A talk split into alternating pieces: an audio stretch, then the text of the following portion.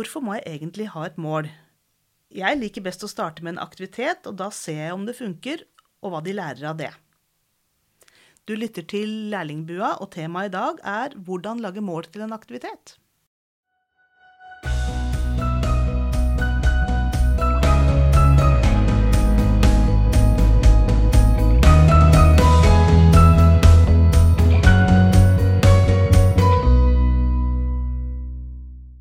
Velkommen til denne episoden av Lærlingbua. I studio i dag er Hanne Enger Jensen, min kollega fra opplæringskontoret, og undertegnede Heidi Gabrielsen.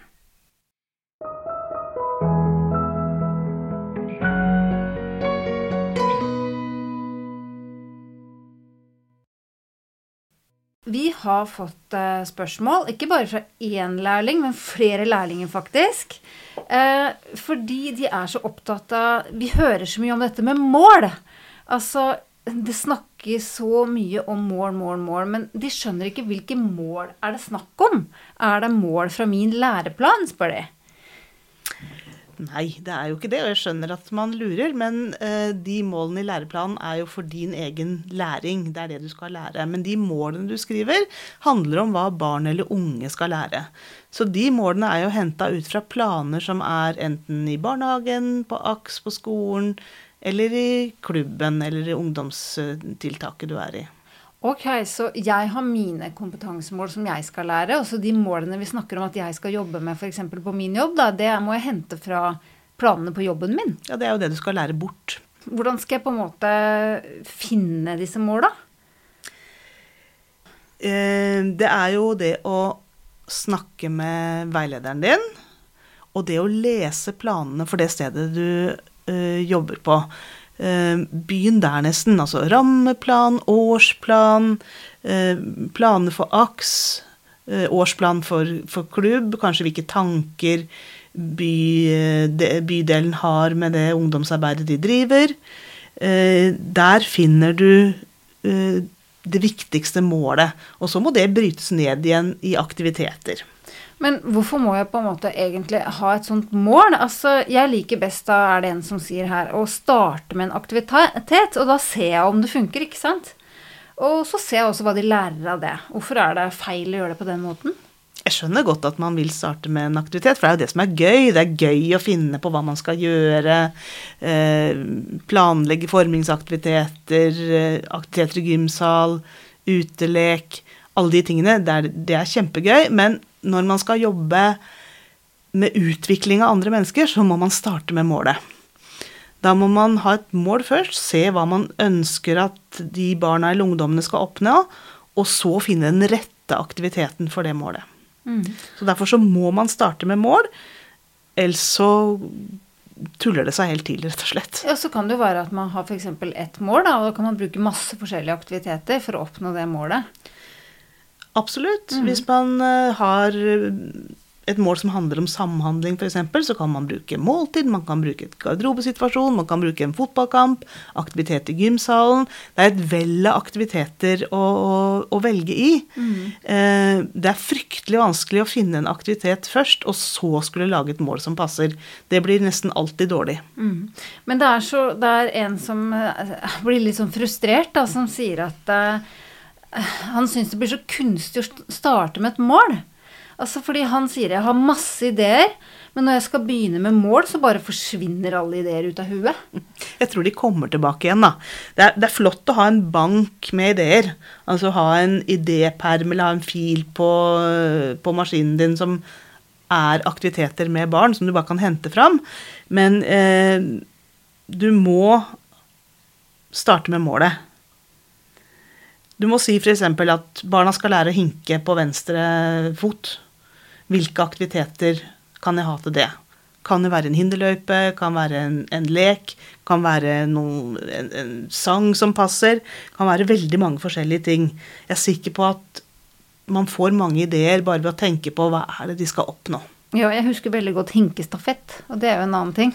Ikke sant? Og hvis man da alle skal hinke på venstre fot, som er litt sånn vanskelig å få til for små barn, ehm, så er jo det en fin eh, aktivitet. da. Hinkestafett på venstre fot.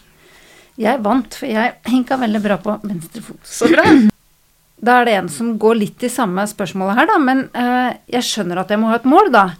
Eh, og at barn og unge skal utvikle seg og lære noe. At det er målet. Men eh, jeg, jeg veit på en måte ikke hvordan jeg skal gjøre det. Og derfor ender jeg ofte opp med å begynne med aktiviteten, da. Veldig mange gjør det. Um, men det er veldig lett å lese av planen at det er det man har gjort. Um, et triks er å begynne med setningen 'barna skal'. Da har du liksom en retning. Da er det noe de skal lære, trene på, gjøre. Uh, og det trenger ikke å være så veldig komplisert. Veldig mange tror at mål skal være veldig mange fine ord, og, og, og liksom at hele faget skal ligge i målet, men sånn er det ikke. Altså, la oss si at dere skal uh, ut uh, på en skogstur, og temaet er kanskje gran og furu i barnehagen. Og da kan målet være barna skal lære å se forskjell på grankongler og furukongler. Mm. Ja, for det var jo akkurat så konkret som det med å hinke på venstre fot, som du sa. Absolutt. Men nå skal vi si det litt sånn konkret. Eh, fordi det er jo noen som har spørsmål om hvordan skal på en måte et mål skrives eller sies, da? For det kan jo Det virker så flytende og komplisert. Tips. Hvordan kan man lage et godt mål? Ja, Det første var jo det jeg sa i sted. Altså begynn med 'barna skal'. Let etter det som er lite og konkret. Eh, eksempel igjen. altså Tenk at du skal ta lappen. Eh, så er det dumt å ha liksom det store målet foran seg, at jeg skal klare førerprøven. Det er liksom det overordna målet, men du må begynne med det små. Jeg tenker alle som har satt seg bak et ratt for første gang, vet at det gjelder å lære seg å unngå de der kenguruhoppene man får når man skal slippe kløtsj og trykke inn gassen. Og kanskje er det det første målet. Å kunne starte og stoppe uten at bilen hopper. Uh, og så blir det neste kanskje å kunne kjøre en liten tur, og så er det kanskje et mål som handler om å lukeparkere, eller bare parkere inn rett fram uh, mot en vegg. Sånn at det er liksom de små skrittene som leder deg fram til det store målet. Eksempel også, altså skal du lære å lese, så må du lære deg bokstavene først. Uh, og så kan du liksom sette dem sammen til ord etter hvert. Uh, et godt tips kan være også skrive ned de forslagene du kommer på, og ta dem med til veileder. Så kan dere diskutere hva som er best. Hva er det beste målet? At man prøver seg fram, skriver ned mål. Liksom, er dette stort, er dette lite? Og diskuterer og ser på. For det, en fagprøve eh, er på tre kvarter for de større barna. Og du skal kunne nå det målet på de tre kvarter. Og hvis man liksom da har et mål med at barna skal utvikle finmotorikken sin, så er det liksom, for det første er det helt umulig å se om man har utvikla seg, og så er finmotorikk et veldig stort øh, begrep. Men så det du sier er et godt mål, det kan være lite og konkret, da? Absolutt. Det kan være bitte lite. Det må kunne nås på tre kvarter, eller så langt dit du har til rådighet. Mm. Men det er jo ganske vanlig å være litt i tvil om er målet mitt lite nok? Er det klart nok? Og er det sånn som du sier, mulig å oppnå i løpet av tre kvarter? Eh, hvordan skal jeg på en måte få hjelp til å vite om det er bra nok? Og da har jeg lyst til å si du er ikke alene. Gå til veilederen din. Ta med deg forslagene til mål. Du kan gjerne ha skrevet ned flere, så kan dere diskutere det i veiledningstimene. Eh, og få tilbakemelding på hva som funker. Og prøv det ut. Prøv det ut og se etterpå. altså Lag en evaluering. Hva fungerte? Uh, hva fungerte ikke? Hva må jeg gjøre annerledes? Det er, eh, det, er, det er, bare sånn man blir god til å skrive mål. Man øver, ser på hvordan det gikk, forkaster, lager noe nytt. Prøver igjen. Så er det jo veldig verdt det du sa om å snakke med veilederen. For veilederen har jo veldig greie på å sette mål. Og kan si du, det har jeg prøvd, og det bare fløyt ut. Det ble altfor svært. Jeg kan gi deg hva må gjøre det sånn, eller hva, hva, tenker du hvis vi kan gjøre det sånn, kan du komme med andre forslag? Og da kan du få tenke gjennom å ja, her ser jeg at det blir mye mer konkret og mulig å løse. Og et viktig siste mål er evaluer målene dine etterpå. Ikke sant? Funka det? Kom du i mål? Var det for stort allikevel, eller var det kanskje for lite? Altså, du går an å sette så små mål at barna kunne det fra før. ikke sant? Altså, alle kunne hinke på venstre fot, det var ingen utfordring i det. Eh, så det å evaluere i ettertid er kjempeviktig. Har det skjedd en forandring fra du starta til du slutta? Eh, hadde de, altså kunne de noe de ikke kunne før du starta? Eh, og Hvis ikke det har skjedd, ja, da må du jobbe med målet ditt til neste gang. Så kort oppsummert, det er kanskje litt vanskelig noen ganger å starte med et mål for å da finne en aktivitet, men det er det du skal gjøre på fagprøven. Og så er det veldig bra en aktivitetsbank som kan fylle på målene dine. Og så er det sånn at når du starter med mål, blir aktiviteten best.